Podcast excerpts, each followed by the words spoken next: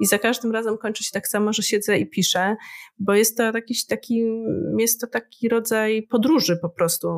Pisanie jest podróżą mhm. i ciężko zrezygnować z tej pokusy przygody, którą jest to pisanie. A dlaczego nie lubisz pisać? Fabularnicy. Nazywam się Michał Kasprzyk. Zapraszam Was na przygodę ze storytellerami wszelkiej maści. Wspólnie odkryjemy, jak opowiadać arcyciekawe historie.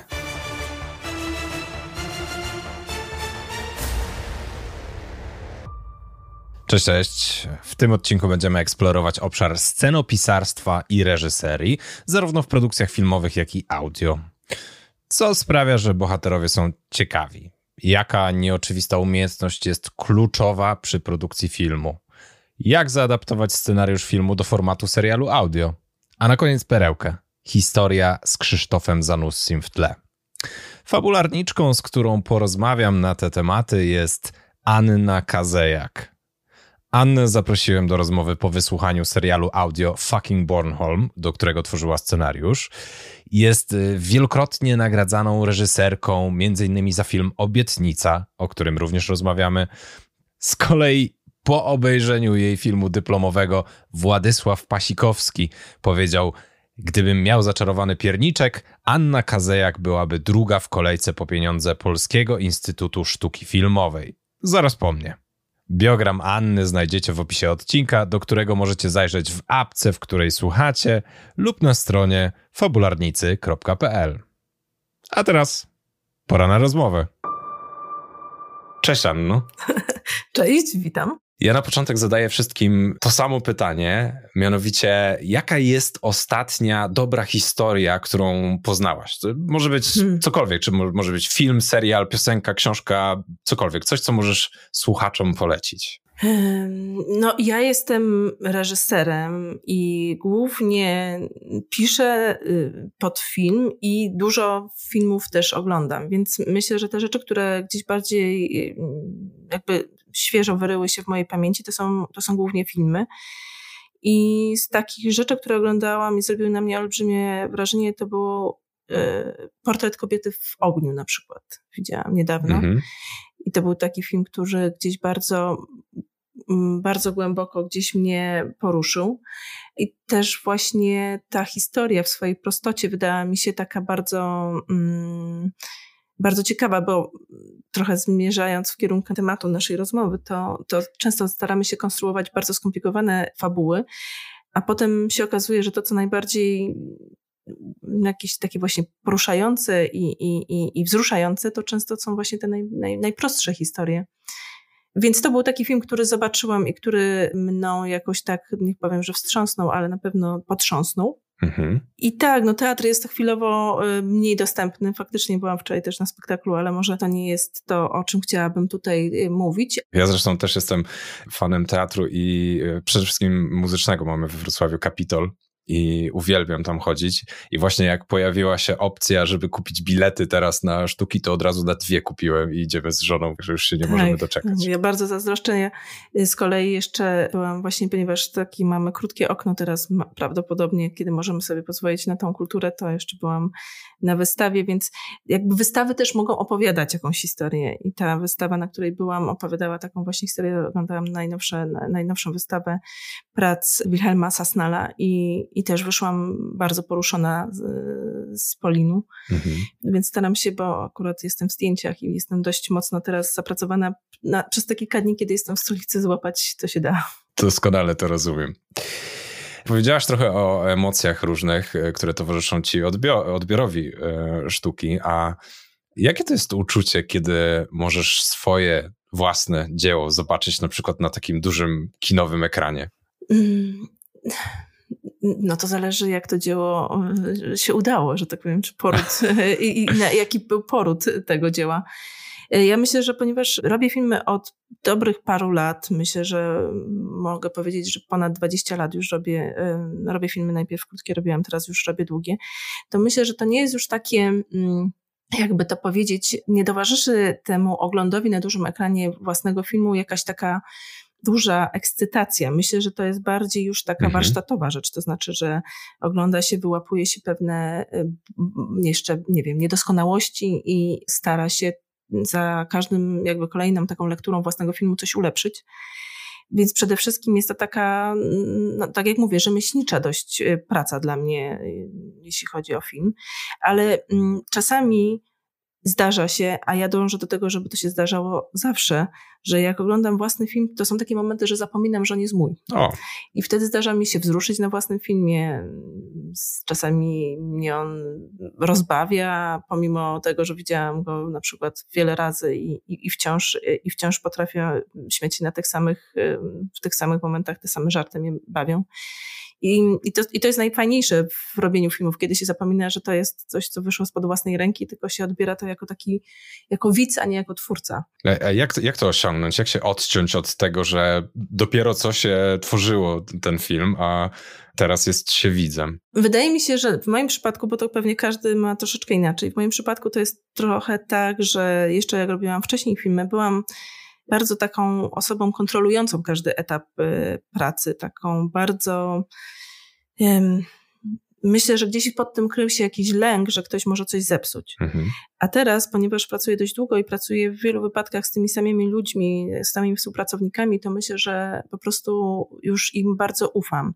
I to jest trochę tak, że ja im pozwalam po prostu dokładać ich wizję, talent do tego, co ja zrobiłam i i wtedy udaje mi się właśnie uzyskać taki efekt zaskoczenia, że nagle coś oglądam i mówię, o kurczę, jakby mam taki troszkę większy dystans i patrzę na to po prostu właśnie oczami widzę, a nie, a nie tylko i wyłącznie takiego demiurga, który musi jakby odcisnąć piętno na każdym etapie tej pracy. Więc lubię takie momenty, kiedy na przykład dołożę muzykę do, do obrazu i nagle właśnie ten talent kogoś, kto troszkę w innej sferze tworzy, czyli właśnie w muzyce, w nutach, nagle zespala się z tym, co ja zrobiłam na planie i daje zupełnie nową, um, jakąś, taki, no, taką nową energię, now, nową, nową jakość tworzy. I to, i, to jest, I to jest super, i to jest fajne. I tak, tak mi teraz dobrze, tak w taki sposób pracować, jakby z większym zaufaniem do współpracowników i dając im dużo więcej wolności niż kiedyś.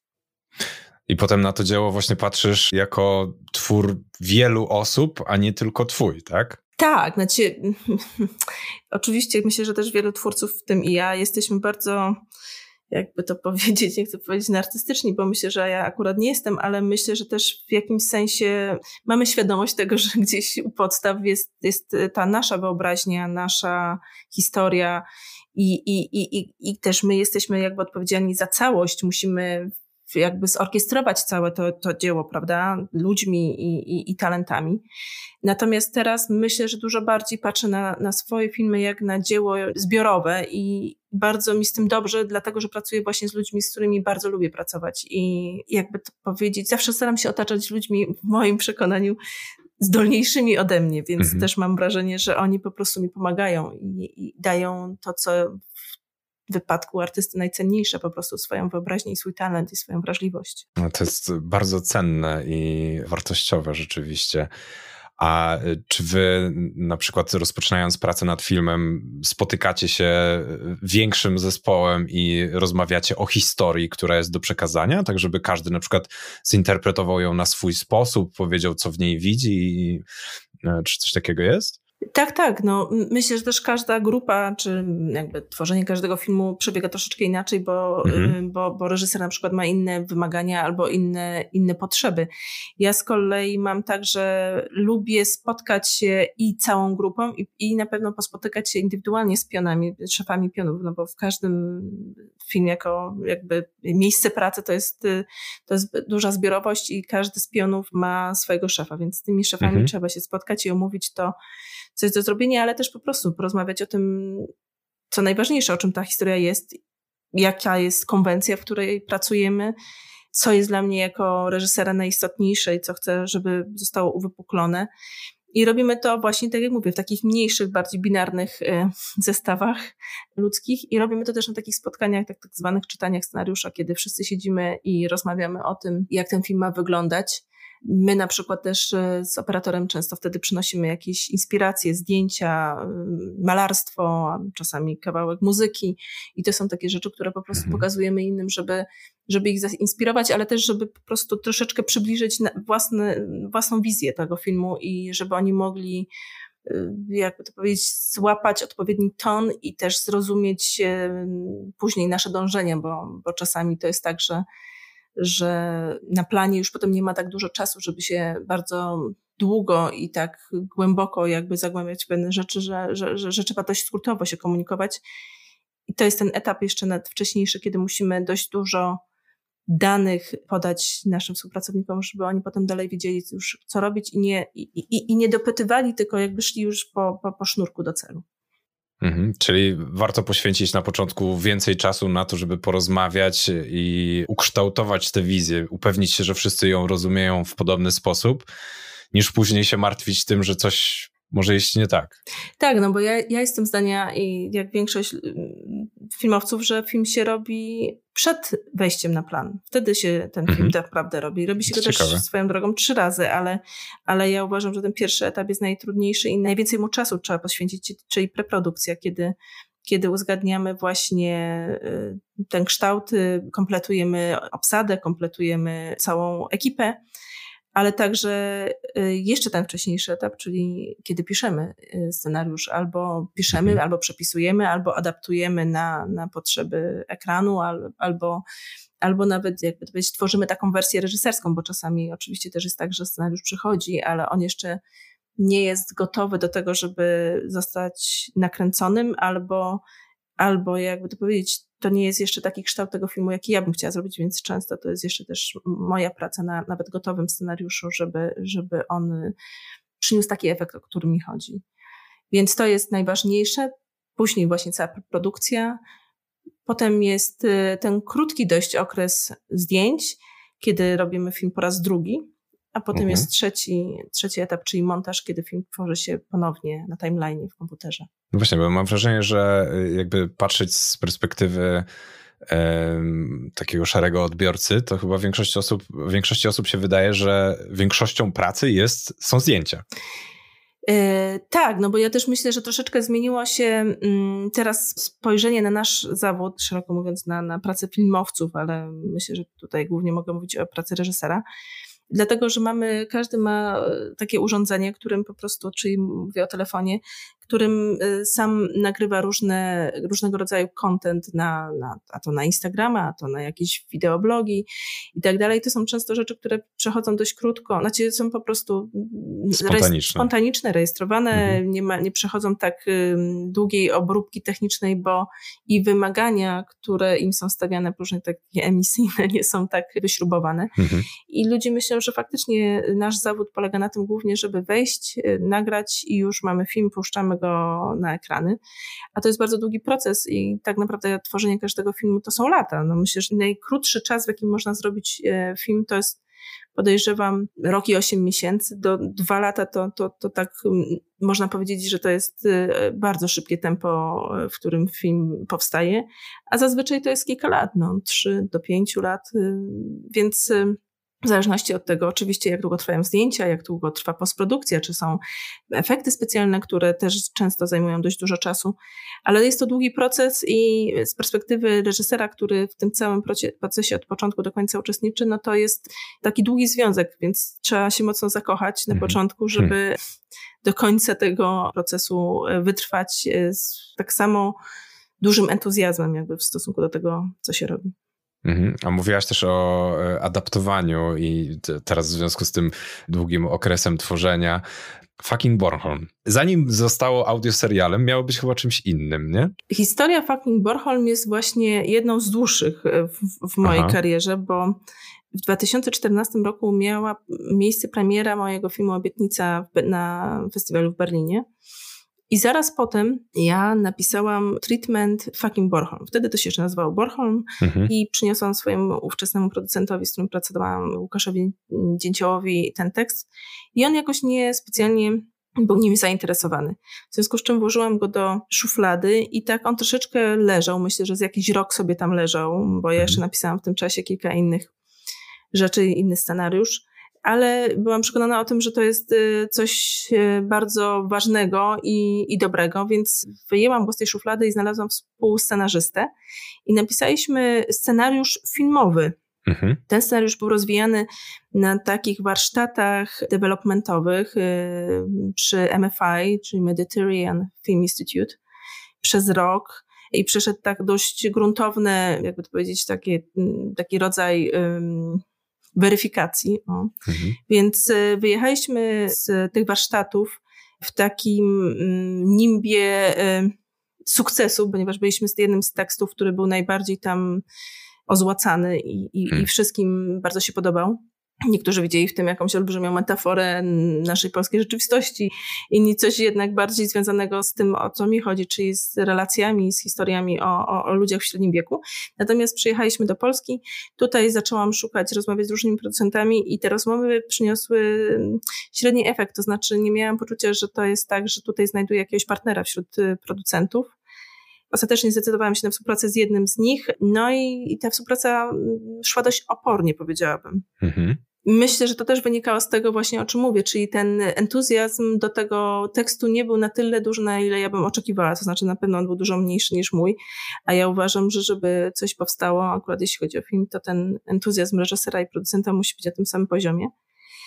I myśmy nie mieli szczęścia i faktycznie nie został ten scenariusz dofinansowany przez PiS w pierwszej sesji, której składaliśmy bo nie wiem dla osób, które słuchają tego podcastu, czy to jest jasne, jaki jest system w Polsce, ale większość filmów powstaje przy udziale Polskiego Instytutu Sztuki Filmowej, który dysponuje publicznymi środkami i dotuje filmy i, i w zasadzie ciężko zrobić tylko za prywatne pieniądze w tym kraju filmy, a przynajmniej filmy, które mają jakieś aspiracje artystyczne, bo komercyjne, które mają szansę na zwrot, owszem, mhm. ale akurat takim e, fucking Borholm nie był.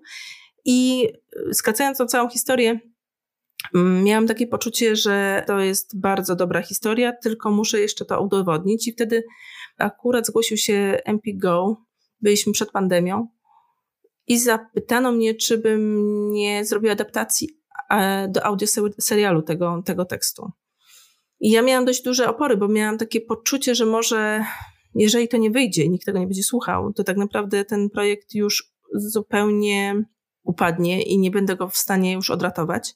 Mhm. Ale z drugiej strony pomyślałam, że w sumie trzeba zaryzykować, bo jeszcze nikt tego nie robił i a, a nuż się uda. I faktycznie y, zrobiliśmy adaptację na serial audio. Serial został nagrany i w marcu wybuchła pandemia i był pierwszy lockdown. Myśmy, nie pamiętam już na który na jaką datę dokładnie był zaplanowany, oryginalnie była premiera, natomiast ona chyba z dwa tygodnie została e, przesunięta. Tak czy owak, to była pierwsza rzecz w tym pierwszym lockdownie, która została z taką dużą dość promocją i pompą wypuszczona. A ponieważ był to taki czas, że tego kontentu na platformach było dość mało, bo nikt nie był przygotowany, że ludzie będą zamknięci w domach i będą tak dużo konsumować, to faktycznie dość dużym echem się to odbiło i było, była bardzo, był bardzo fajny odbiór i dużo osób przesłuchało ten serial. I w ostateczności bardzo to pomogło, bo udało nam się w końcu film sfinansować i, i właśnie niedawno skończyliśmy zdjęcia jesteśmy w trakcie postprodukcji filmu. Czyli teraz trzeci raz tworzysz ten film. Rozumiem.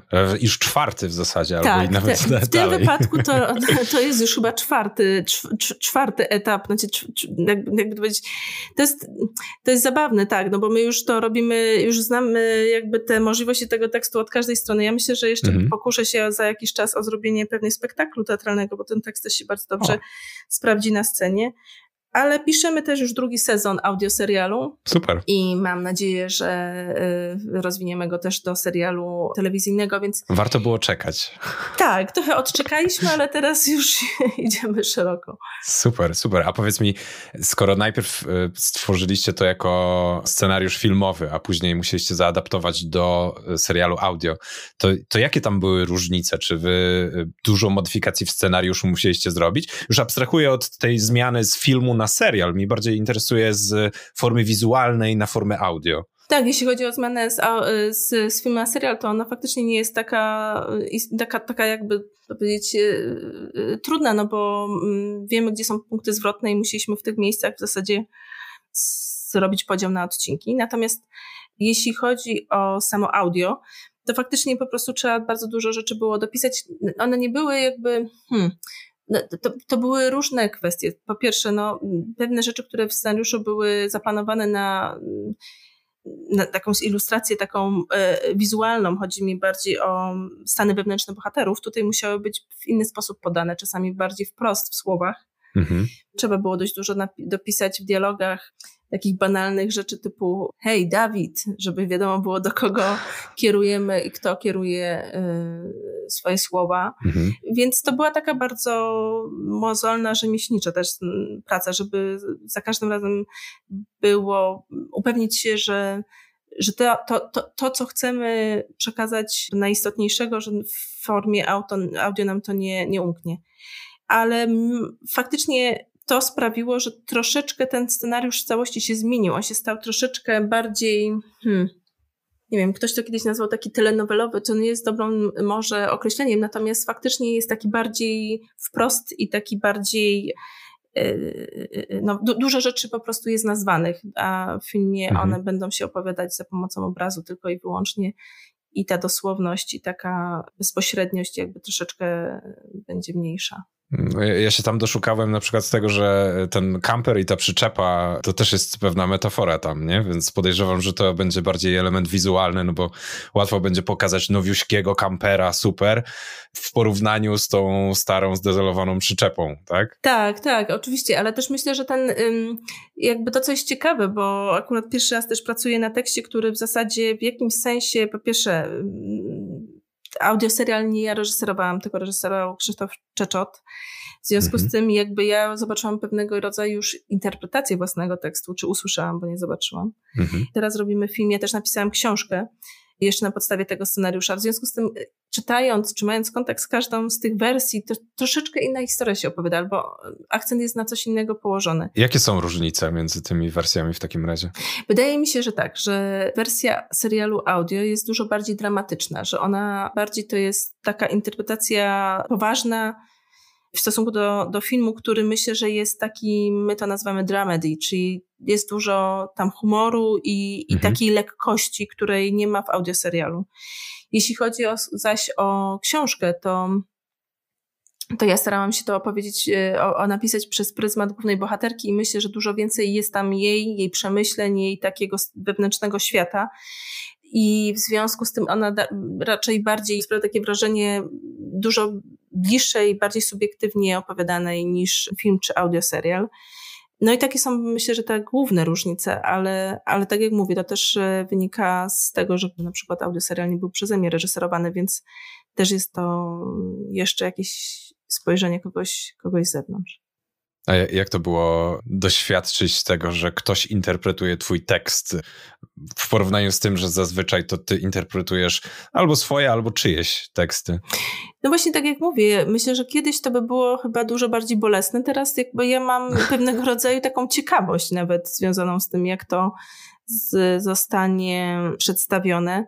Są czasami takie momenty, kiedy mówię, o kurczę, to, to zupełnie nie tak miało być, miało być troszeczkę inaczej. Natomiast ja nie mam chyba nie cierpię z tego powodu, bo mam wrażenie, że ludzie, którzy trochę, na przykład scenarzyści, którzy są gdzieś troszkę wcześniej, na jakimś wcześniejszym etapie, są dużo bardziej zachłanni, żeby wszystko było dokładnie tak, jak oni zaplanowali. I ja to rozumiem, bo mówię, też przechodziłam przez ten etap. Teraz jestem, teraz czasami lubię być zaskakiwana. Oczywiście wolę być zaskakiwana na plus mhm. niż na minus, ale, ale jakby to jest jakby w jakimś sensie wkalkulowane w cały ten proces, więc zdaję sobie sprawę z tego, że, że no to jest jaka, jakaś inna, inne spojrzenie. Niemniej uważam, że w jakimś stopniu te wszystkie formy są do się, w stosunku do siebie komplementarne i że to jest mhm. ciekawe, jakby móc to przeglądnąć w całości. Ale tak, tak jak mówię, jeszcze mamy w zanadrzu i drugi sezon audio, i jeszcze będziemy robić serial, więc myślę, że powstanie taki trochę świat tych bohaterów, też interpretowany przez różnych aktorów, bo to też jest ciekawe, że w filmie grają zupełnie inni aktorzy, inny jest garnitur aktorski niż w serialu audio, więc mhm. to też tworzy jakby coś ciekawego, bo, bo te postaci są troszeczkę jednak inne, chociaż gdzieś ich DNA jest takie samo, ale, ale każdy aktor też wnosi jakąś własną perspektywę. Tak. I, i, I na przykład teraz patrząc na, na to, co zrobiliśmy mm, w filmie, to, to myślę, że ludzie, którzy znają audioserial będą bardzo często zaskoczeni, jak te postacie żyją i jak, i jak ta energia między tymi postaciami przepływa inaczej jednak niż w audioserialu. Mhm. No pewnie częściowo dodaje do tego ta warstwa wizualna i z drugiej strony też to, że powiedziałaś, że e, film jest bardziej dramedy, tak? tak? tak Czyli tak, będzie, ale to właśnie, bo zakładam, że dramedy, no to dokładamy humor, tak? To czy tego humoru nie mogło być w serialu audio, czy nie zaplanowałaś tego wtedy, czy pod wpływem właśnie serialu stwierdziłaś, że może warto coś dodać, hmm. czy jak to wygląda? Nie, właśnie to jest zabawne, bo myślę, że to jest tak, że szczerze powiedziawszy, uważam, że najłatwiej robi się filmy smutne. Okej. Okay i pisze smutne książki. Mhm. Myślę, że, że humor jest bardzo trudny, bo on jest rzeczą bardzo indywidualną. I nie zawsze wszystkich nas śmieszą po prostu te, te, te same rzeczy, albo zazwyczaj nie śmieszą nas te same rzeczy. Mhm. I teraz tak, ja uważam, że zawsze fucking Borholm był bardzo zabawny w jakby już na papierze, ale to jest mhm. moje poczucie humoru i moja taka specyficzna, dość e, gorzka, jakby gorzkie spojrzenie na świat. Nie oczywiście, e, e, jakby to powiedzieć, to nie jest slep, slepsikowy humor, no to jest jakby taki bardzo intelektualny często humor. Mhm. Dużo jest tam ironii i, i, i jakiegoś sarkazmu, w związku z czym nie zawsze to jest wyłapywane i nie zawsze to śmieszy innych i nie zawsze ludzie, mhm. którzy przyjdą do kina powiedzą, o to miało być śmieszne, ale nie jest, bo będą mieli poczucie, że to po prostu nie uderza w te strony, które y, jakby nie zadrgają w nich, no bo, bo, bo ich to po prostu nie rozśmieszy, ale ale z kolei wielu powie, a tak, to jest ten rodzaj e, dowcipu, który lubię. Mhm. Więc to jest trudne, dlatego że tutaj dużo łatwiej polec i na pewno wszystkich oczekiwań, jeśli chodzi o, o, o tą warstwę, nie zaspokoimy. W każdym bądź razie jakby bezpiecznie zrobić to na smutno, ale na smutno też nie wszystko mhm. E, jakby wychodzi tak, jakby się chciało, albo nie ja patrzę na świat w taki sposób, że to, coś zabawne, śmieszne, bardzo często się miesza z tym, co bardzo dramatyczne i tak po prostu próbuję robić swoje filmy. Mhm. Nie wszystkie, nie, bo nie wszystkie historie są jakby w ten sposób można opowiedzieć, ale, ale to jest to, co jest mi najbliższe i po prostu jest najbliższe mojemu patrzeniu na świat. Więc jednym słowem, wracając do twojego pytania, ten tekst od początku w moim przekonaniu był zabawny. Interpretacja audio, która nie była jakby w mojej reżyserii, była dużo bardziej dramatyczna, bo być może mhm. tak odczytali to aktorzy i reżyser y, audio serialu. A ta, którą zrobimy, mam nadzieję, że będzie dużo lżejsza i będzie miała i, i, i, i takie jasne i, i bardzo dramatyczne momenty. Natomiast zależy mi na tym, żeby utrzymać taki y, ton, tak jak mówię, dramat i nie ma dobrego polskiego słowa, bo my używamy często komediodramat, no tak. ale komediodramat mm. pokazuje, że jakby ja nie wiem, uważam, że ani tam takiej komedii e, stricte nie ma, ani też takiego dużego dramatu. Jest to po prostu coś, coś, coś pośredniego. Jest to taki, no. taki obyczajowa mm, historia, która ma, ma po prostu różne odcienie. Mhm. W kontekście audioserialu mi się wydaje, że to, co dla ciebie jest dowcipem, e, ja mam trochę inne poczucie humoru. Dla mnie te rzeczy były takimi takiej lekkości dodawały, nie? Bo y, teksty typu, jak tam Eryk się zwierzył swojej mamie i y, Maja mówi do Huberta, tak? Mhm. Że jedyne, co powiedział w, w, ciągu całego dnia, można się pogubić w natłoku mhm. informacji, tak? Albo on powiedział jedno zdanie, czy tam tak, dwa. Tak. No to dla mnie to jest właśnie takie dodanie lekkości do tematu, który jest tak. Y, no, dosyć poważny, no bo jednak to, co tam się zadziało, no to żadnemu rodzicowi nie byłoby do śmiechu absolutnie, e, więc w jakiś sposób to rozładowuje tak. tę trudniejszą sytuację. Tak, bo mi się też wydaje, że w ogóle w coś jest, wiesz, że to jest trochę tak, że rzeczy poważne albo takie wręcz traumatyczne jest dużo lepiej opowiadać w lekkiej formie, dlatego że one po prostu są łatwiej akceptowalne przez widza, prze, przez nas. Po prostu wchłaniamy to troszeczkę tak przez osmozę taki temat. Natomiast y, mocne udramatyzowanie tych rzeczy czasami po prostu spotyka się z odrzuceniem przez odbiorcę danego tematu. A ponieważ odpowiadamy o czymś bardzo delikatnym, mhm. to ja odpowiadam to w taki sposób właśnie, żeby ten temat nie bolał aż tak może. Natomiast oczywiście być może jest to dla niektórych trochę obrazoburcze, no bo być może trzeba na kolanach opowiadać o, o eksperymentach seksualnych naszych y, dzieci. które de facto nie są tematem tego filmu, są tylko po prostu mechanizmem, który uruchamia w naszych dorosłych bohaterach pewną weryfikację dotyczącą ich własnych związków. A z czego narodził się pomysł fucking Bornholm? Co było pierwszą myślą, która ci przyszła do głowy? Y, ja jestem osobą czy reżyserem, który opowiada o relacjach. Ja się najlepiej czuję opowiadając o trudnych relacjach, często rodzinnych. Tak, od początku jakby filmy, które robiłam, można zobaczyć, one tego dotyczą. W związku z tym, będąc, będąc w wieku średnim, spostrzegłam, że te relacje i moje własne, i moich przyjaciół są bardzo skomplikowane i często kończą się rozwodem albo różnymi właśnie zmianami partnerów. I pomyślałam, że to jest temat, o którym chcę opowiedzieć, bo, bo w jakimś sensie też wtedy sama byłam w tym momencie. Może to nie jest jakaś duża już tajemnica, ale faktycznie e, w efekcie trochę później się rozwiodłam. I to był jakiś proces, w którym ja byłam sama wewnętrznie, a z drugiej strony y, były to historie, y, które też przeżyłam, bo, jeż, bo jeździłam na, jako dziecko jeździłam przede wszystkim z moimi rodzicami z przyczepą po Europie, ale później już jako dorosła osoba jeździłam jako mama z, z własnym ówczesnym mężem i naszymi, naszymi przyjaciółmi też jeździliśmy wspólnie na, na, na, na wakacje i ten, to, to zawsze było bardzo ciekawe, bo po prostu one pod tym... Na Bornholm jeździliście? Na Bornholm jeździliśmy, ale było to zabawne, bo po prostu e, niby się bawiliśmy, mieliśmy zrelaksować, a tam działy się często dantejskie sceny i duże napięcia między ludźmi. Nie jeździliśmy na Bornholm, jeździliśmy w Polsce. Dlaczego Bornholm? Dlatego, że wtedy y, postprodukowałam film w Danii, więc siedziałam w Danii. Mhm. I wydawało mi się, że to zderzenie z tą kulturą, która jest zupełnie inna, gdzie można dużo łatwiej rozmawiać o własnych potrzebach, problemach, emocjach, gdzie mężczyźni są zupełnie inni, bardziej nastawieni na, y, na to, żeby słuchać, a nie tylko wymagać było dla mnie to bardzo dojmujące po prostu doświadczenie, więc y, postanowiłam oprócz tego, że opowiedzieć o, o, o relacjach, to jeszcze opowiedzieć o tym styku kultur, mhm. że nasza bohaterka też y, w jakimś sensie przez to, że jest w jakiejś sytuacji, która gdzie poza, poza domem, daleko nie tylko od swojego miasta i, i, i, i miejsca, w którym mieszka, ale także oddalona jest od tej polskości, której, która jest czymś, co co jest w nas tak głęboko, ale też czego, co trudno pokochać, może tak.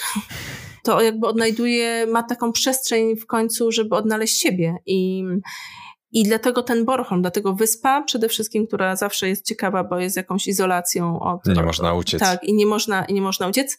Z drugiej strony y, Bornholm, żeby pokazać, jakimi jesteśmy barbarzyńcami w tym ogrodzie europejskim. A sama historia i ten incydent, o który, który jest jakby, tak jak mówię, punktem zapalnym całej historii, został mi opowiedziany przez mojego montażystę, z którym montowałam poprzedni film i on miał taki przypadek, że po prostu jego syn się mu zwierzył, że, że, że, że w nocy, kiedy u kolegów nocował, doszło do jakichś takich mhm. Y, y, y, historii e, związanych no, z takim etapem rozwoju, na którym są dzieci i faktycznie było to dość dużym, jakby to powiedzieć, e, problemem wtedy, żeby nawet w tych duńskich warunkach o tym porozmawiać, rozwiązać ten problem, bo po prostu jest to krępujące, z drugiej strony nie mamy języka, nie mamy narzędzi, żeby, żeby, żeby takie, tego typu problemu, problemy jakoś rozwiązywać. Zwłaszcza tutaj my, mówię w Polsce, bo jest to mhm. bardzo stabilizowana sfera naszego życia. W ogóle intymność, seks, a już jeśli, jeśli w to są jeszcze wmieszane dzieci, no to to jest naprawdę ciężkie.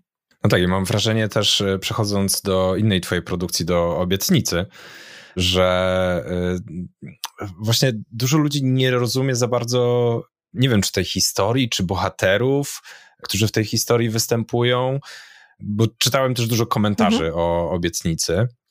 Jest film, który premierę miał 7 lat temu, tak? E, żeby to zaznaczyć dla słuchaczy. I sporo odnosiło się do tego, że nie rozumieli za bardzo motywacji głównej bohaterki. I tu cię chciałem zapytać, czy, czy ta główna bohaterka w twoim wyobrażeniu ona miała być, nie wiem, socjopatką? To jest ciekawe, bo ja na przykład w ogóle nie czytam komentarzy żadnych na temat swoich filmów, więc często dowiaduję się od kogoś, że... co jak ktoś tam myśli. Ja myślę, że po pierwsze Może zaczynając od samego początku, ja chciałam opowiedzieć w tym filmie o kobiecej agresji, która nie jest taką agresją, jaką posługują się mężczyźni. Ona jest często manipulacją, często jest plotką, pomówieniem i też szukałam może historii, która by była adekwatna do tego, żeby, żeby o tym opowiedzieć. I trafiłam wtedy na współscenarzystę Magnusa von Horna, który opowiedział mi o historii, która się wydarzyła w Sztokholmie, gdzie dziewczyna zmanipulowała swojego chłopaka, który zabił dziewczynę, o którą ona była zazdrosna. I to mi się wydawało szalenie ciekawe. Myśmy dotarli do przesłuchań, więc cała ta historia jest w zasadzie jakąś rekonstrukcją i jakby adaptacją na polskie o. warunki tamtych y, zdarzeń. Czy mi chodziło o to, żeby opowiedzieć o psychopatce? Ja myślę, że nie chodziło mi o to, żeby opowiedzieć o psychopatce, ponieważ, tak jak mówię, chodziło mi o to, żeby opowiedzieć o o specyficznej kobiecej agresji. Natomiast myślę, że, y, że ta bohaterka, y, jakby szczytując to z tych akt, ona miała cechy no, takiej psychopatki. Mhm. Czy to była psychopatka? Trudno mi powiedzieć, bo tej osoby nie spotkałam. Co do mojej bohaterki, dla mnie, nie, dla mnie istotne jest to i wydaje mi się, że to jest szalenie też ciekawe, że my na pewnym etapie rozwojowym, kiedy czasami jesteśmy nastolatkami na przykład, przechodzimy przez tak trudne i emocjonalnie momenty, jesteśmy tak wewnętrznie, jakby te emocje są tak rozedrgane, że pewnie czasami niektórzy się ocierają o jakiś rodzaj psychopatii. Ja nie jestem psychologiem, nie jestem psychiatrą, natomiast myślę, że z tego, co czytałam, a czytałam wtedy przygotowując się do tego filmu dość dużo książek poświęconych nastoletnim dziewczynom, jakby zachowaniom młodych kobiet, to często to było zauważane, że to są takie etapy, na których po prostu występuje pewien rodzaj, jakby to powiedzieć, takiej koncentracji na własnym bólu, że jakiś rodzaj empatii zanika. I to jest tak, że jest to czas, czasami jest to czasowe i związane po prostu z etapem rozwojowym, czasami to jest niestety jakby immamentna cecha danej osoby. Co do samego filmu, to ja prawdę mówiąc, w tym filmie bardzo dużo sobie y, w jakimś sensie eksperymentowałam i też ta narracja, która, którą stosowałam, była bardzo specyficzna, dlatego tam, że tam jest połowie filmu pewien twist. Jesteśmy bardzo blisko mhm. bohaterki przez połowę filmu i w zasadzie widzimy świat z jej perspektywy takiej emocjonalnej, a później jest w środku jest taki twist i jakby, sprawi, jakby ten e, opowiadamy z perspektywy rodziców, którzy się dowiadują mhm. i są przerażeni tym, co odkrywają. I jeśli chodzi o narrację, to jest bardzo trudne dla widza oczywiście, ponieważ on y, musi się, musi zauważyć to, musi się przestawić i musi wyciągnąć jakby z tego, jakby podążyć za, za, za autorem i wyciągnąć i, i zrozumieć, dlaczego autor chce mu w taki sposób to opowiedzieć, a nie w taki ciągły i, e, i, i, dużo łatwiejszy narracyjnie sposób. A jakie zabiegi się stosuje, żeby to ułatwić widzowi? Znaczy ja myślę, że, że tak naprawdę to jest kwestia właśnie tego, jak kształtować narrację. No jeżeli robimy kino komercyjne albo nastawione na, jakby to powiedzieć, na szerszego widza, takiego widza bardziej, że tak powiem, popcornowego, to na pewno to nie jest sposób opowiadania, który, który można zastosować. Ja bardziej chciałam mhm. jednak tutaj iść w pewien e, nie chcę powiedzieć, że chciałam zrobić film bardzo niszowy, ale jednak bardziej artystyczny i taki mm, festiwalowy, w związku z czym bardziej komplikowałam niż ułatwiałam. Raczej, raczej powiedziałam, dobra, chodźcie ze mną, ale to będzie trudna droga przez e, mokradła i, i, i bagniska bo chciałam dotrzeć do sedna tego problemu, a nie opowiedzieć kolejną taką prostą historyjkę o tym, że dziewczyna zabiła rękami swojego chłopaka inną dziewczynę. No bo nie o historię tu chodziło. Chodziło o to, żeby pokazać, jak od strony emocjonalnej wygląda taki, taki proces y, i od strony emocjonalnej bohaterki i, i jej rodziców. No właśnie ta perspektywa rodziców wydaje mi się taka bardziej unikalna, dlatego że zazwyczaj filmy, jak trzymają się jednego bohatera, to właśnie trzymają się tego, powiedzmy, zbrodniarza, mhm. tak? No tutaj tak bardzo uogólniając, a nie, filmy nie traktują o otoczeniu tak bardzo nie, nie opowiadają o tym. No tak, i dlatego, dlatego ja chciałam jakby najpierw opowiedzieć, pamiętam, że wtedy w wywiadach często mówiłam, że chciałam najpierw spojrzeć przez dziurkę od klucza do tego świata tej dziewczyny, zobaczyć bardzo wąsko pewien problem, te, jej oczyma, tak jak ona na to patrzy, a później te drzwi otworzyć i zobaczyć cały kontekst. Ten kontekstem właśnie jest to, to, jak funkcjonuje ta rodzina, y, jaka, jakie, jakie są wzorce, jak wygląda matka tej dziewczyny, która też jest pogubiona i jakaś niespełniona. I dopiero wtedy zobaczyć i zastanowić się, okej, okay, może albo z czego to wynikało, albo co, jaki rodzaj braku tam wystąpił, że czy można było temu zapobiec, czy to była jakaś wina pewnego etapu wychowawczego, czy to była kwestia bardzo indywidualna.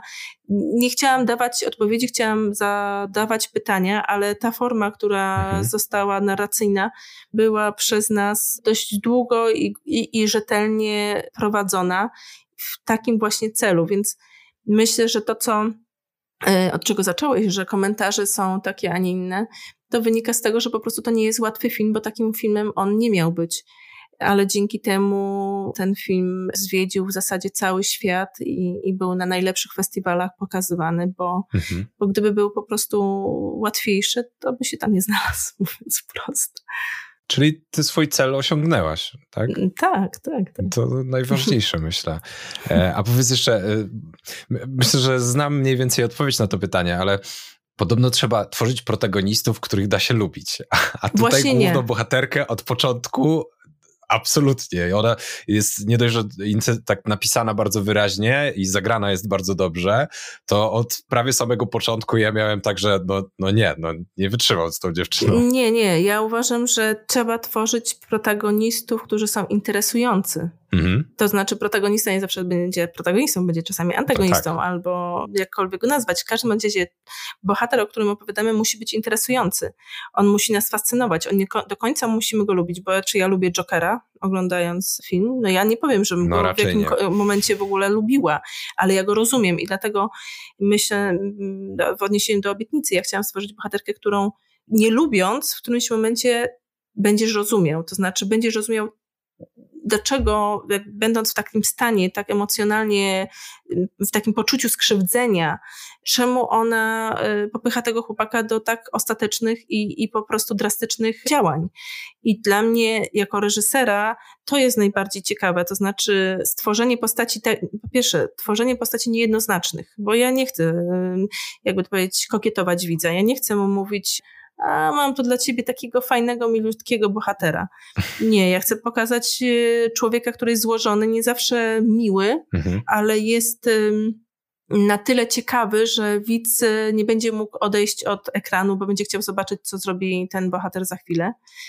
E, wydaje mi się, że bohaterowie mili są po prostu nudni, albo przynajmniej mnie oni nudzą, więc często jakby to powiedzieć, nie jestem najlepszym odbiorcą filmów takich właśnie bardzo komercyjnych i łatwych, bo wydają mi się te po prostu historie powtarzalne i banalne. Starałem się troszeczkę, sama tworząc bohaterów, troszeczkę bardziej to komplikować. A jak to robić? Jak tworzyć bohaterów, którzy są tacy skomplikowani? Znaczy myślę, że przede wszystkim nie, trzeba, nie można się bać, bo ja myślę, że to często wynika, tworzenie bohaterów, którzy są bardzo jednoznaczni, wynika z tego lęku to właśnie z tego, że ktoś napisze potem na forum, że nie rozumie bohatera albo że a on go nie lubi.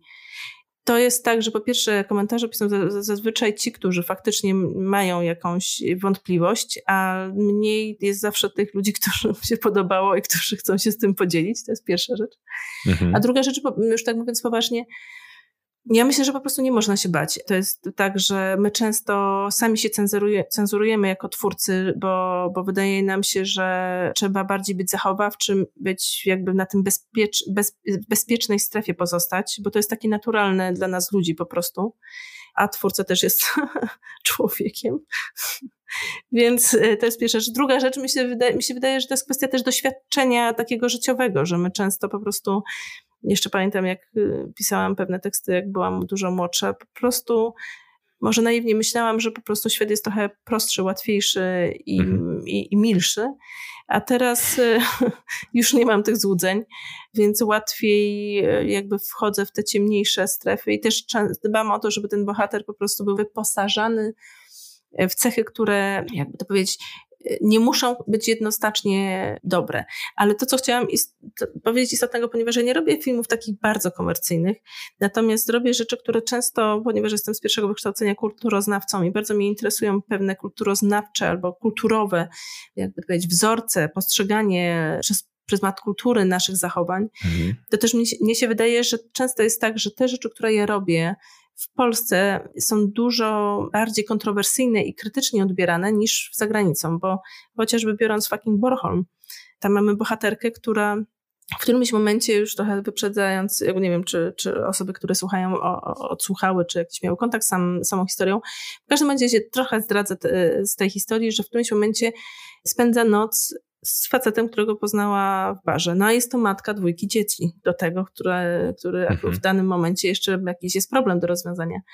I to, ile razy ja odbyłam rozmowy w Polsce, z, często też z kobietami w średnim wieku, o tym, że nie przystoi jej, że matka, dlaczego ona tak robi i że w ogóle jak my ją mamy lubić dalej, bo ona poszła do łóżka z kimś tam.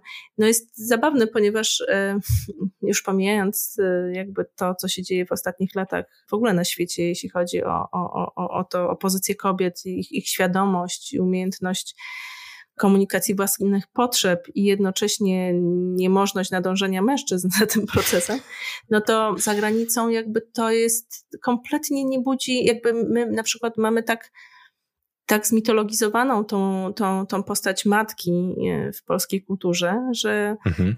pewna dekonstrukcja tej e, figury spotyka się z takim społecznym oporem. Więc to jest bardzo ciekawe, bo to jest tylko i wyłącznie kulturowa rzecz. Więc myśląc o bohaterze, często musimy myśleć o tym, że, e, że iść za bohaterem, jakby to powiedzieć, zrozumieć go i tą konstrukcję, którą się stworzy, musimy słuchać, bo ona zacznie w którymś, zaczyna w którymś momencie sama mówić do nas ale nie możemy się obawiać, że na przykład zostanie właśnie mm, w jakimś sensie to kulturo, jakby zinterpretowane jako, jako amoralne, bo, bo to jest kwestia naszej kultury. W innej kulturze w ogóle tak to może nie być postrzegane. Mhm.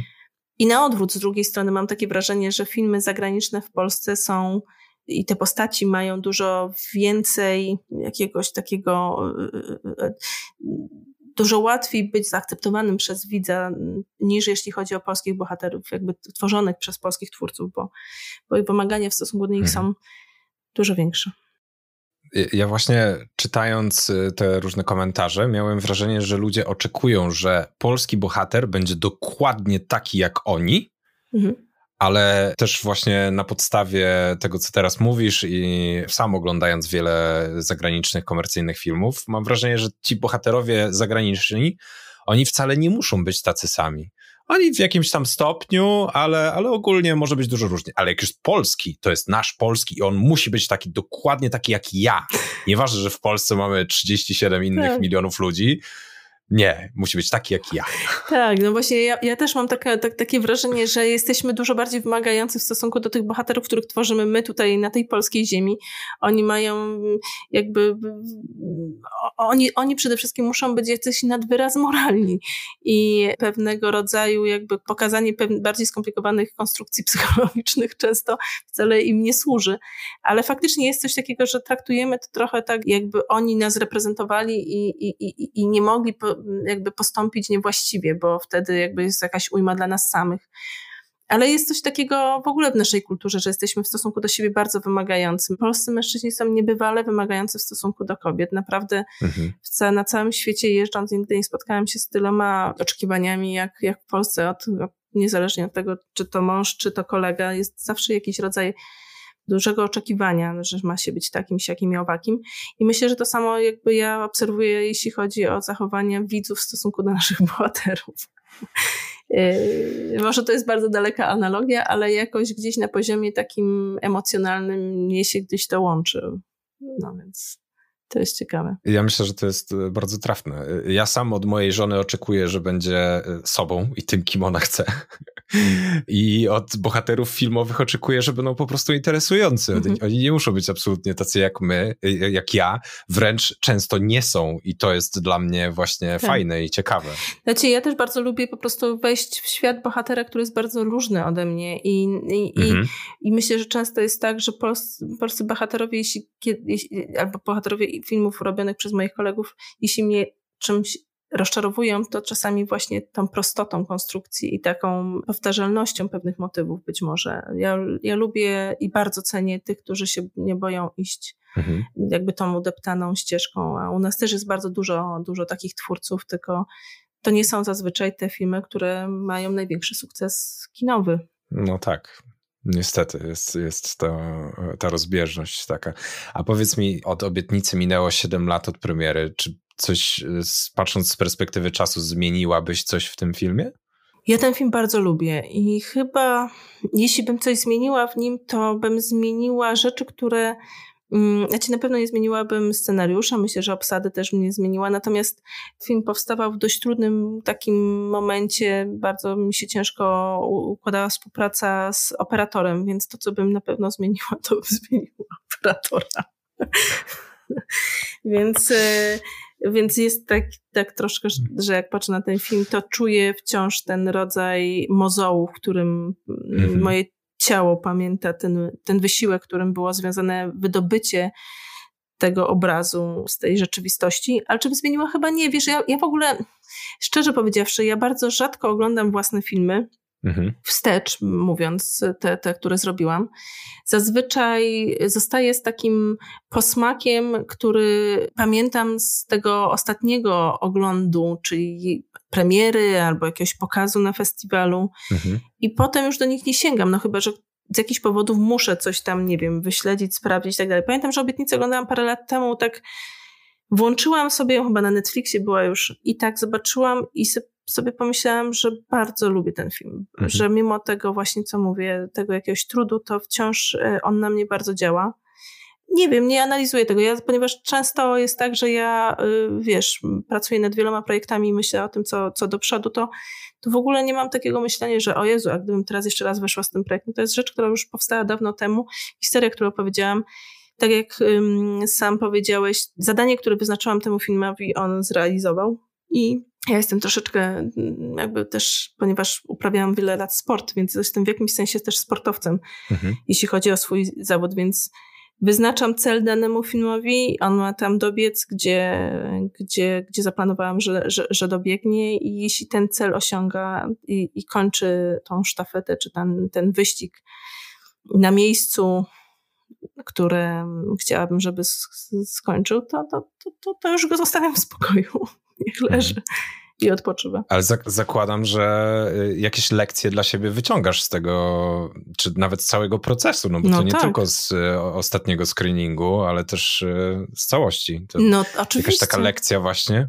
Nie, no oczywiście ja myślę, że każdy film w ogóle bardzo dużo uczy mnie i, mm, i, i naprawdę to jest tak, że nie, nie sądzę, żeby kiedyś ten proces się w ogóle nauki zakończył, więc mówię, z każdym tytułem co, coś się tam wiąże. Na pewno jeśli chodzi o obietnicę, to myślę, że to, czego bym nie zrobiła drugi raz, to na pewno nie wzięłabym tak trudnego tematu psychicznie dla siebie, bo ja to bardzo odchorowałam, bo bardzo głęboko w to weszłam. Mhm. Ja w jakimś sensie stałam się troszeczkę tą bohaterką mentalnie na jakiś czas, żeby ją zrozumieć.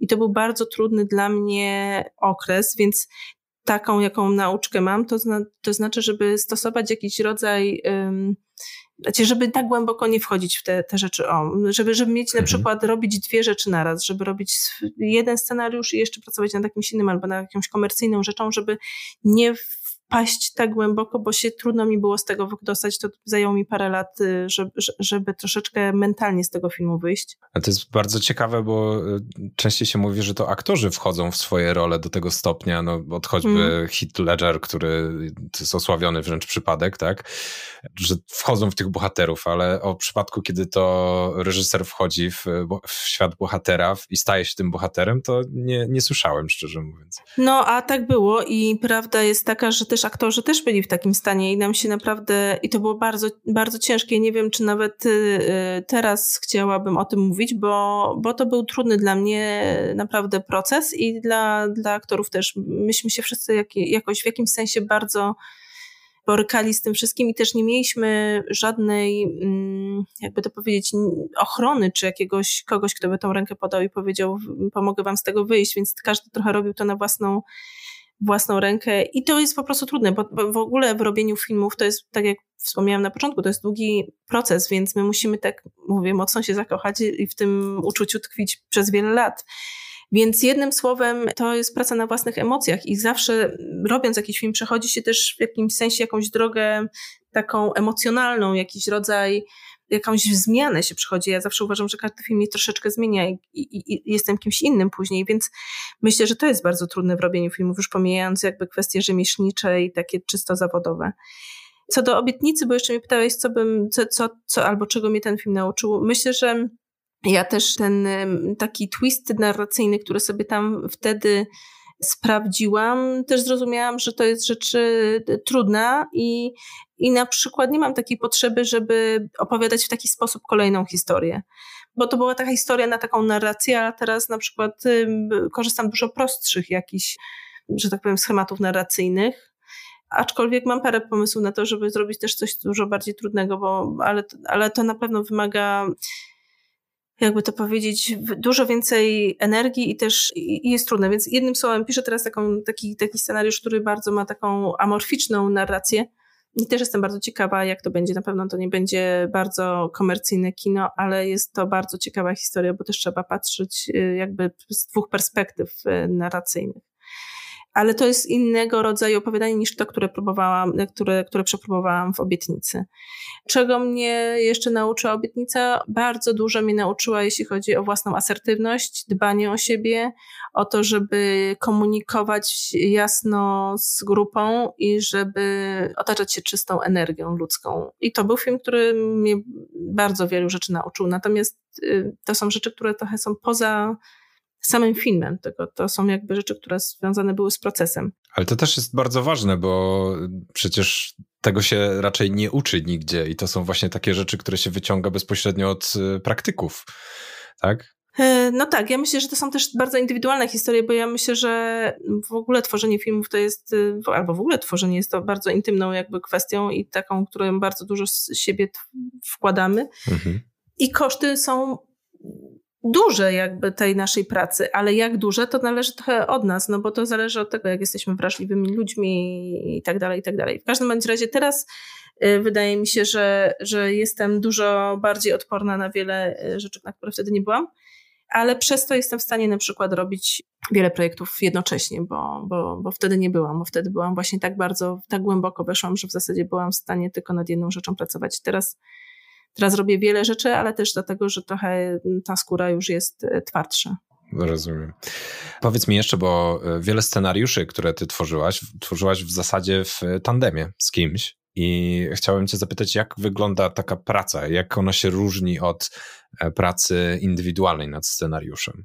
No ja bardzo lubię pracować w duetach, dlatego że po pierwsze ta praca idzie znacznie szybciej, dlatego że pracując w pojedynkę często jest tak, że na jakiś moment no, występuje jakaś blokada i coś po prostu nie idzie do przodu, a tutaj takich w zasadzie momentów nie, nie ma, bo zawsze ktoś jest w lepszym ma lepsze flow i, i pisze, a potem te, musi chwilę odpocząć, to pisze ta druga osoba, więc już tak to jest taka praktyczna jakby strona tego.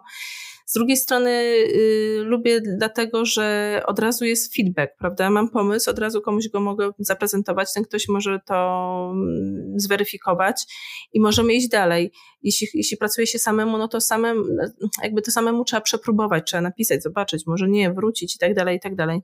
Tutaj jakby ta, ta, ta weryfikacja jest szybka. Ja też, tak jak tobie powiedziałam na początku, kiedyś byłam taka bardziej protective i chciałam swoją po prostu historię opowiedzieć, nikomu jej nie oddawać i, i nią się jakoś nie dzielić. A ja lubię po prostu i wciąż uważam, że, że, że po prostu korzystanie czy tam wspieranie się czyimś talentem jest po prostu z korzyścią dla tego, co robię. Więc też z takich powodów. Teraz pracuję na przykład nad nowym tekstem z osobą, ponieważ jest to tematyka holokaustowa, która po prostu ma niewspółmiernie większą wiedzę niż ja na ten temat, w związku z czym mhm. jest to naturalne, że, że pracujemy razem, bo mam dostęp do, do, do, do jakby kopalni wiedzy, która mogłabym posiąść, ale musiałabym się zakopać w literaturze na, na długie lata albo przynajmniej miesiące. Więc jednym słowem, ja lubię pracować w duetach, bo, bo dla mnie to jest po prostu ciekawe i też bardziej efektywne, e, jeśli chodzi o, mhm. o, o pracę. No i tak, w zasadzie teraz pracuję nad jednym tekstem tylko w pojedynkę, ale praktycznie jest to adaptacja Olgi Tokarczuk, więc można powiedzieć, że pracujemy z Olgą, bo Olga to zczytuje. I... Właśnie chciałem cię zapytać, bo też e, scenariusz do Erotiki 2022 pisałyście chyba razem, nie? Znaczy, to było tak, że Olga napisała w zasadzie dwie strony takiego zarysu scenariusza i ja to zaadaptowałam do, do scenariusza, mhm. już tak rozpisałam na sceny i dopisałam pewne wątki, roz, rozbudowałam. I później Olga to y, dostawała parokrotnie i komentowała, mówiła, co, co jej się podoba, co nie, co tam wolałaby, żeby było inaczej. I to na tyle Olga jest, jak wszyscy się domyślacie, bardzo zapracowaną osobą. I ona, ponieważ teraz z kolejnym tekstem pracuje, nie ma specjalnie ochoty y, brać aktywnie udziału w tym pisaniu, czyli nie, za, nie, nie, nie siedzi, nie koryguje, nie, nie, nie dopisuje, ale chce y, czytać i, i móc porozmawiać o tym, co powstaje. Więc na takiej zasadzie powstawała, powstawała ta, ta nowelka mhm. Znikanie Pani B, y, która jest częścią Erotyki 2022. I tak samo teraz, jeśli chodzi o, o biegunów, bo, bo adaptuję jeden z wątków biegunów. No, super. A nie, nie czujesz takiej presji, że adaptujesz coś, co napisała noblistka? Y, nie, no bo tak naprawdę już y, myślę, że erotika jakby była jakąś rozgrzewką i jakby tak, tak.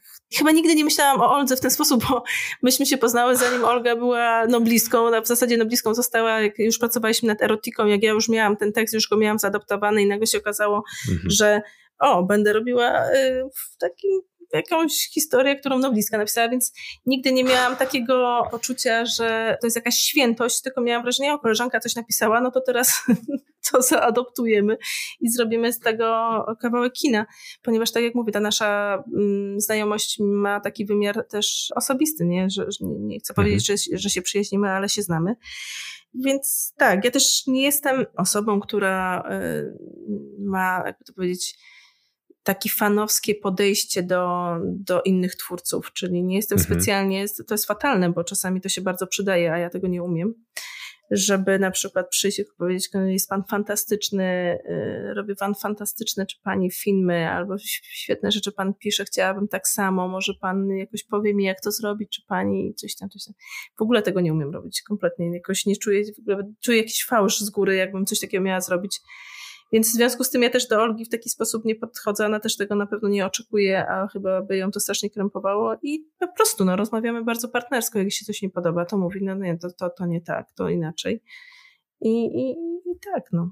To jest y, też myślę bardziej wartościowe takie, żeby podejść do współpracy po prostu partnersko, bo ten pierwiastek fanowski, on się może przydaje, żeby dodać jakiejś takiej dodatkowej energii, czy jakiegoś takiego błysku w oku danemu twórcy, ale e, to się może z drugiej strony odbić e, negatywnie na tym dziele, które się tworzy, no bo jednak będzie zbyt takie hermetyczne wtedy i no, zależy też może jaki efekt chce się faktycznie uzyskać. No tak, ale też myślę, że my twórcy jesteśmy dość łasi na pochwały, więc czasami łatwiej zdobyć czyjeś serce albo uzyskać jakiś apanarze, jeżeli się jakby przyjdzie na kolanach, ale ponieważ ja tego nie umiem, ani jak to dostaję, to nie umiem tego brać, ani nie umiem tego dawać, więc z góry mówię, że jeśli ktoś by w, ten, w tę strategię poszedł, to jest to niedobra, jeśli o mnie chodzi strategia. I też ja nie jestem w stanie tak, tak, taki sposób e, e, jakby się, się komunikować z innymi twórcami. Więc ja jestem takie straightforward, no po prostu mówię i, i mhm. oczekuję, mhm. że też w drugą stronę będzie bardzo mm, prosta komunikacja. Ale lubię z kimś pracować, potrzebuję tego. Lubię teraz pracować też na czyichś tekstach. Tak jak mówię, pracuję na tekstach Olgi, ale, ale też są tam jakieś, powiedzmy, momentami teraz na, na jeśli chodzi o inne projekty, też się wspieramy różnymi fragmentami literatury i literatury faktu i, i, i tak dalej, więc to jest to jest bardzo ciekawe, bo jest to w jakimś sensie bardziej taka robota wtedy detektywistyczna, próba zrozumienia twórcy tego, co on miał na myśli, albo poszukiwania jakichś faktów rzeczywistości i, i bohaterów. Jest to fascynujące. No. Jest to zawsze jakaś podróż i jakaś przygoda. Ja chyba dlatego y, co roku sobie mówię, to jest ostatni tekst już nigdy więcej nie będę z nikim siedziała i pisała, bo nie chcę pisać, bo wolę reżyserować. I za każdym razem kończy się tak samo, że siedzę i piszę, bo jest to jakiś taki, jest to taki rodzaj podróży po prostu. Pisanie jest podróżą mhm. i, ta, i ciężko zrezygnować z tej pokusy przygody, którą jest to pisanie. A dlaczego nie lubisz pisać? Bo jest to mozolna praca bardzo, bardzo czasochłonna, bardzo wiele lat nie przynosząca namacalnych efektów. Mhm. Bo zanim ja to napiszę, jak ja to napiszę, a zanim to trafi na ekran, to, to mijają lata, a ja już z tym chodzę, już mhm. emocjonalnie się z tym wiążę, już y, jakby to powiedzieć, jeśli spada na to jakaś krytyka, bo komuś się tam z recenzentów podoba, komuś nie, no to biorę to osobiście. I to jest coś, coś takiego bardzo późno dającego satysfakcję, no, to pisanie. Ale, ale z drugiej strony ten proces jest fascynujący, dlatego, dlatego wciąż piszę. Okej, okay. super, to życzę Ci dużo powodzenia w, w wytrwałości do pisania. A chciałem Cię jeszcze dopytać, co w Twoich historiach musi się zawsze znaleźć, albo co się w nich nigdy nie znajdzie?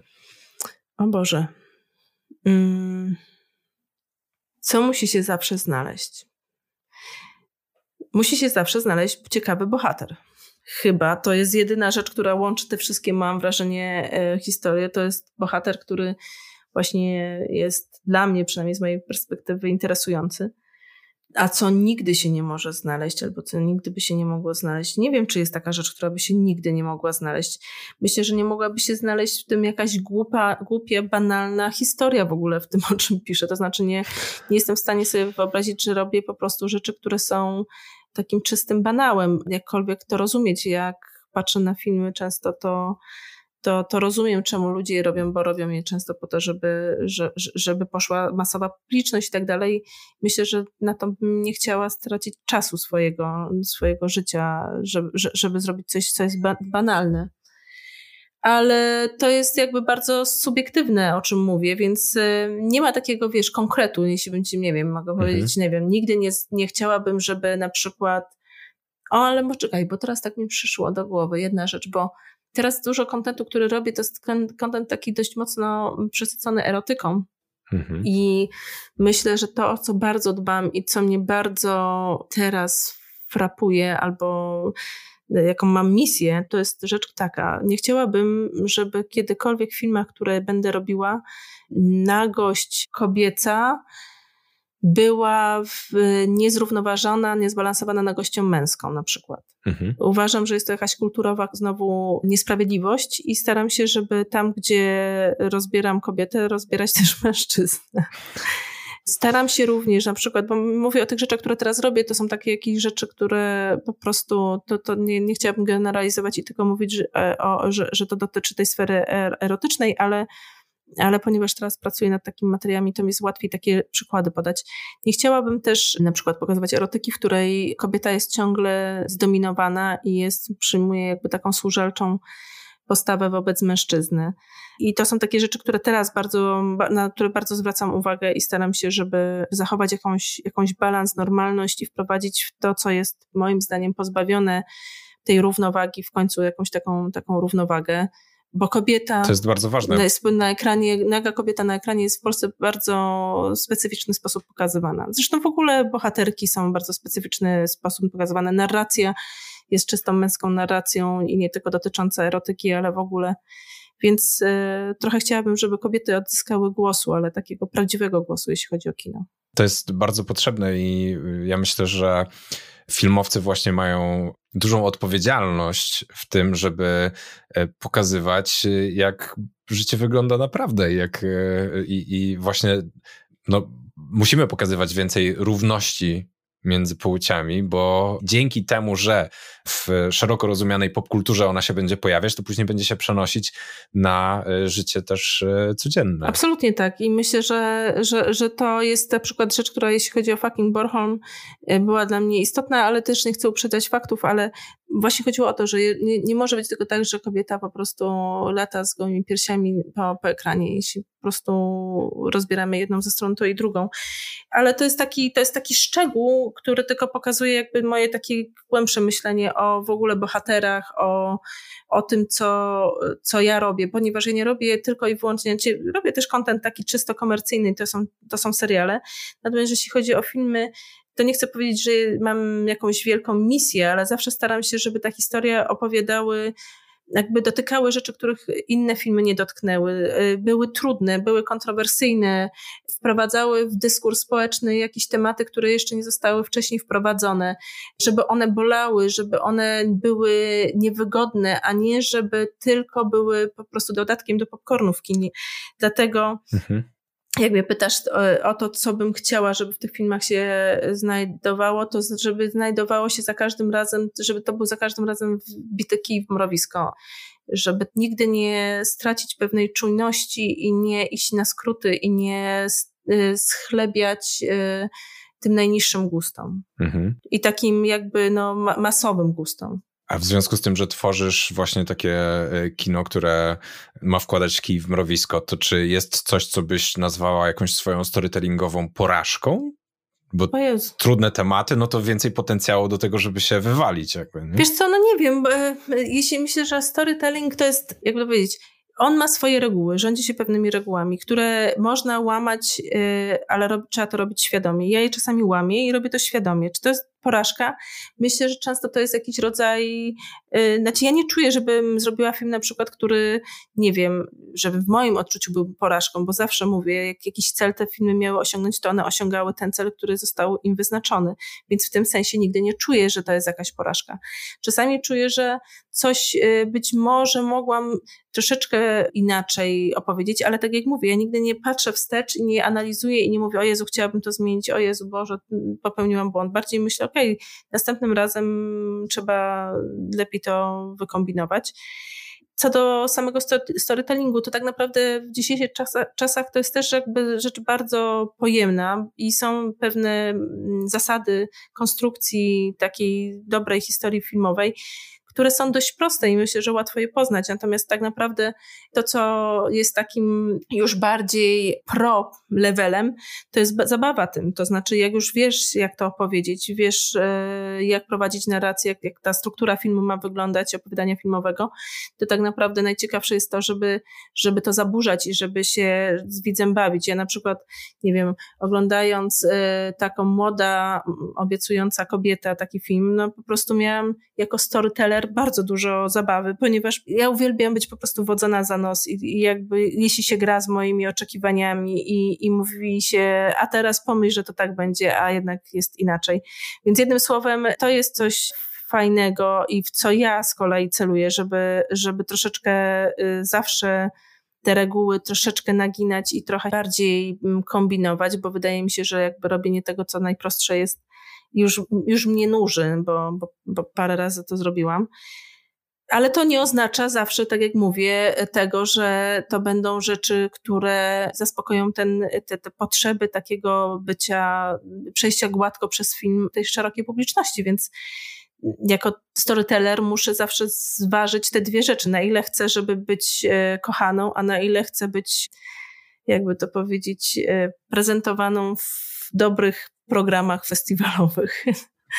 Bo to jest okay. taka, taka różnica, jeśli chodzi o, o polski, polskie kino, że, że mamy dość bardzo taki spolaryzowane są te gusta, jakby te, te mhm. festiwalowe i te komercyjne. komercyjne tak.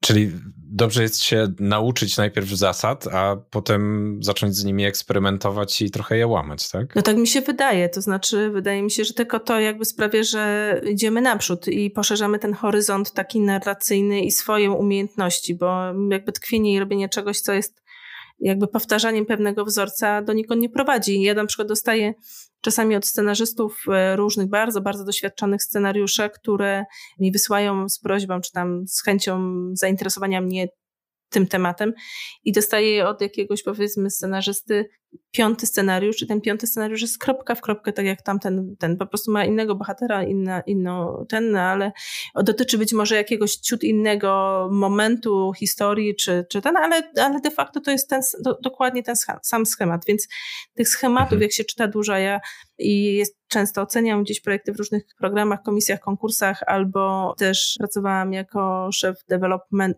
developmentu kontentu w Showmaxie, więc czytałam bardzo dużo scenariuszy i po prostu proszę mi wierzyć, że, ja, że ludzi, którzy dobrze piszą i znają te zasady, jest bardzo dużo już w tym kraju. Naprawdę jest bardzo mhm. dużo. Natomiast jest bardzo mało ciekawych historii, po prostu takich, które są zaskakujące i nie tylko tak podręcznikowo odrabiają jakieś zadania ich twórcy, tylko, tylko jeszcze są w stanie wzbić się na jakiś taki poziom wyższy i, i, i czymś zaskoczyć.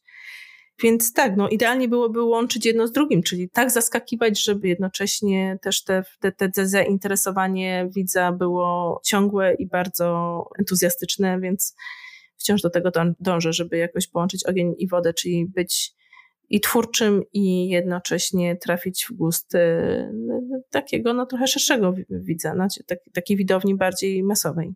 A czy jest jakaś taka rada, którą tylko ty możesz dać, bazując na swoim doświadczeniu, coś wyjątkowego, co możesz przekazać innym, właśnie wyłamującego się może ze schematów yy, dawania rad w ogóle w sferze storytellingowej. Mm. Ja nie wiem właśnie, czy ja jestem takim dobrym doradcą.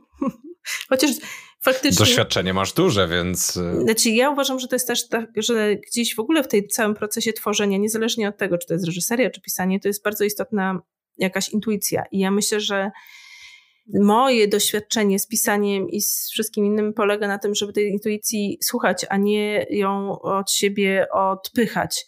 Jeśli chodzi o samo pisanie, no często jest tak, że ja mam tak, że jeżeli już dobrze y, skonstruuję arenę i bohaterów, to muszę po prostu bardzo dobrze się wsłuchać w to, co już ten tekst sam do mnie mówi i wtedy wiem, że on mnie dobrze zaprowadzi, że takie siłowe naginanie pewnych rzeczy jakby nie przyniesie dobrych efektów, bo będzie czuć papier w tych scenariuszach.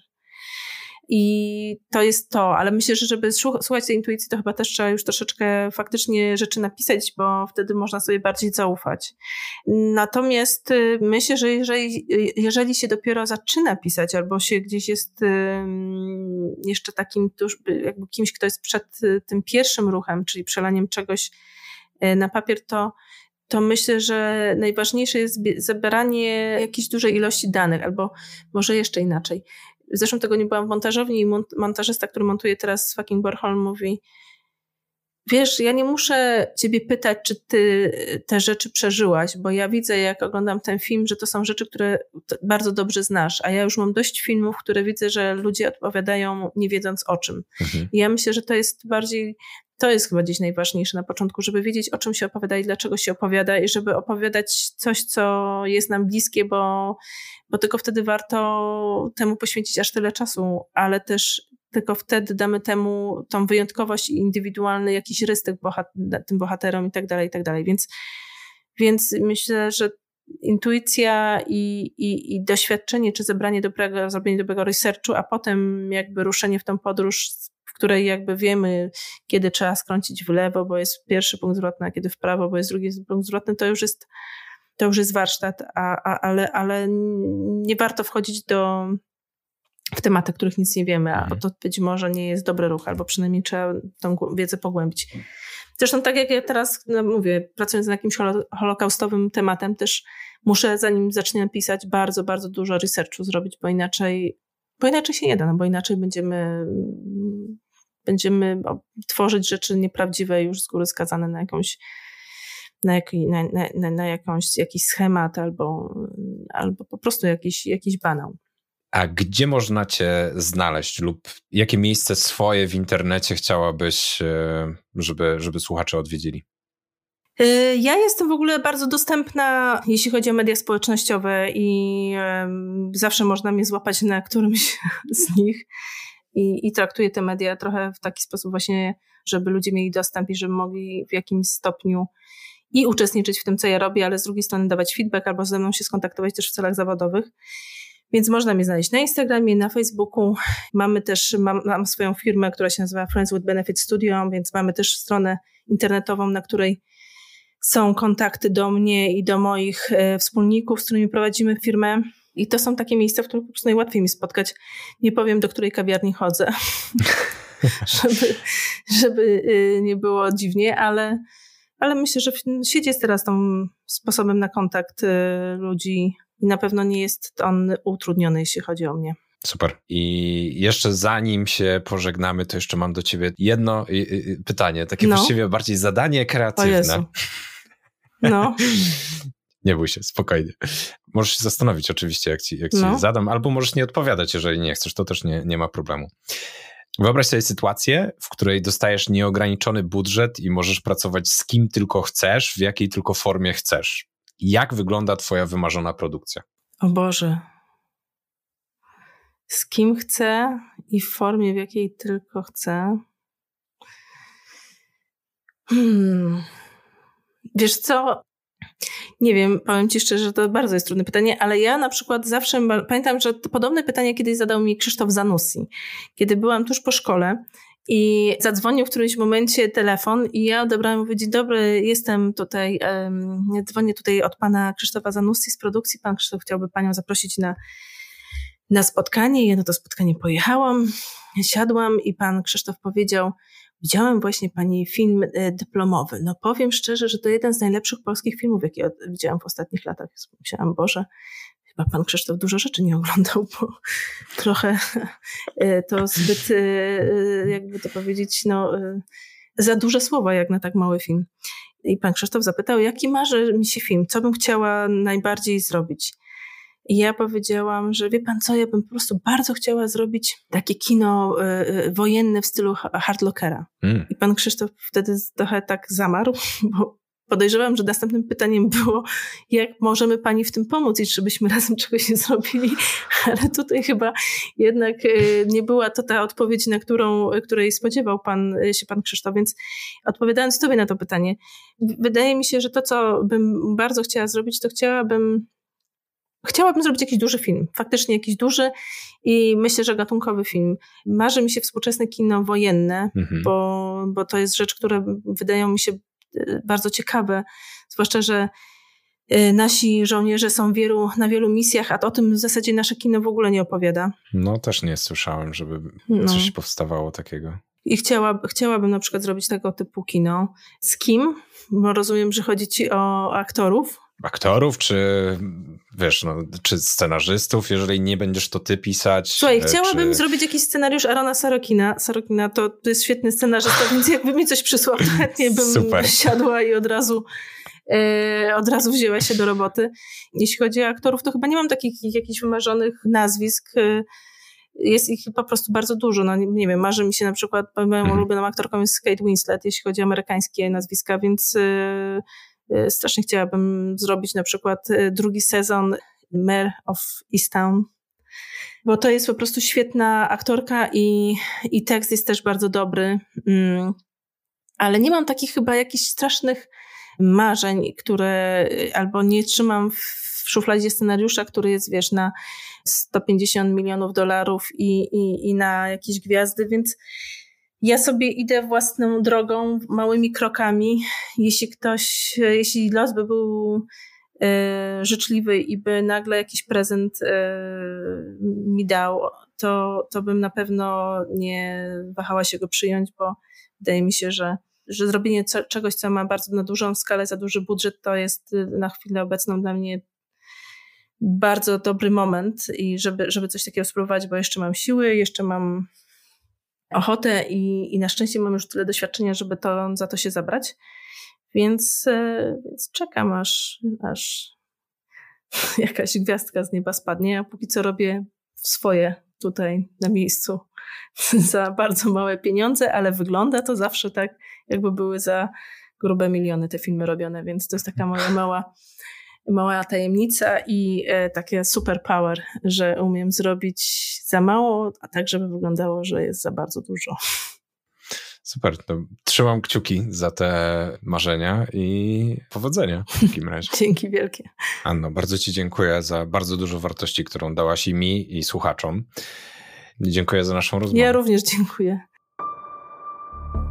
Myślę, że bohaterowie arcyciekawej historii subskrybowaliby podcast Fabularnicy w Spotify, Apple Podcasts lub innej aplikacji. Zachęcam do podążania ich tropem. Odwiedźcie też stronę fabularnicy.pl i zajrzyjcie do notatek do tego odcinka. Jakie materiały byś poleciła słuchaczom, żeby mogli się uczyć Twojego fachu? Ja wiem, że praktyka przede wszystkim, ale być może jest coś, co mogliby przeczytać, obejrzeć, przeanalizować? Ja, y, jeśli chodzi o pisanie scenariuszy, to uważam, że mm, może to jest. Y, ja korzystam z banalnych czasami narzędzi. To znaczy, jak y, napiszę coś, to dopiero sprawdzam, czy w tym w ogóle roskim schemacie podróży bohatera to się mieści, gdzie mam jakie punkty, sobie to wszystko odnotowuję, żeby najzwyczajniej mieć pewność, że ten cykl i, i, i, ta cała podróż jakby wypada mi w tych samych momentach, w których powinna wypaść jakby w tym, w, w, według Woglera. To jest jeden z takich podręczników najbardziej znanych, ale ja go bardzo lubię i tak jak mówię, korzystam z niego. To jest Christopher Vogler, Podróż Bohatera. A jeśli chodzi o dla mnie taki idealny storytelling i przykład, który pokazuję wszystkim swoim studentom, to jest film Prorok od Jarda, który bardzo lubię i uważam, że to jest jeden z najlepiej napisanych scenariuszy, jakie moje oczy widziały. I jest e, on tak wielowarstwowy, tak metaforyczny, z tak ciekawym bohaterem, łączący realizm z jakąś metafizyką. Wszystko jest w tym filmie co ja lubię, co ja cenię, co uważam, że jest e, kwintesencją kina i co daje odpowiedź, po co robić w ogóle filmy. W tym scenariuszu jest, więc e, jeżeli coś byście chcieli zobaczyć, to to jest film, który moim zdaniem jest wart każdej minuty spędzonej przed ekranem. Ja na pewno go obejrzę, bo zaciekawiłaś mnie bardzo.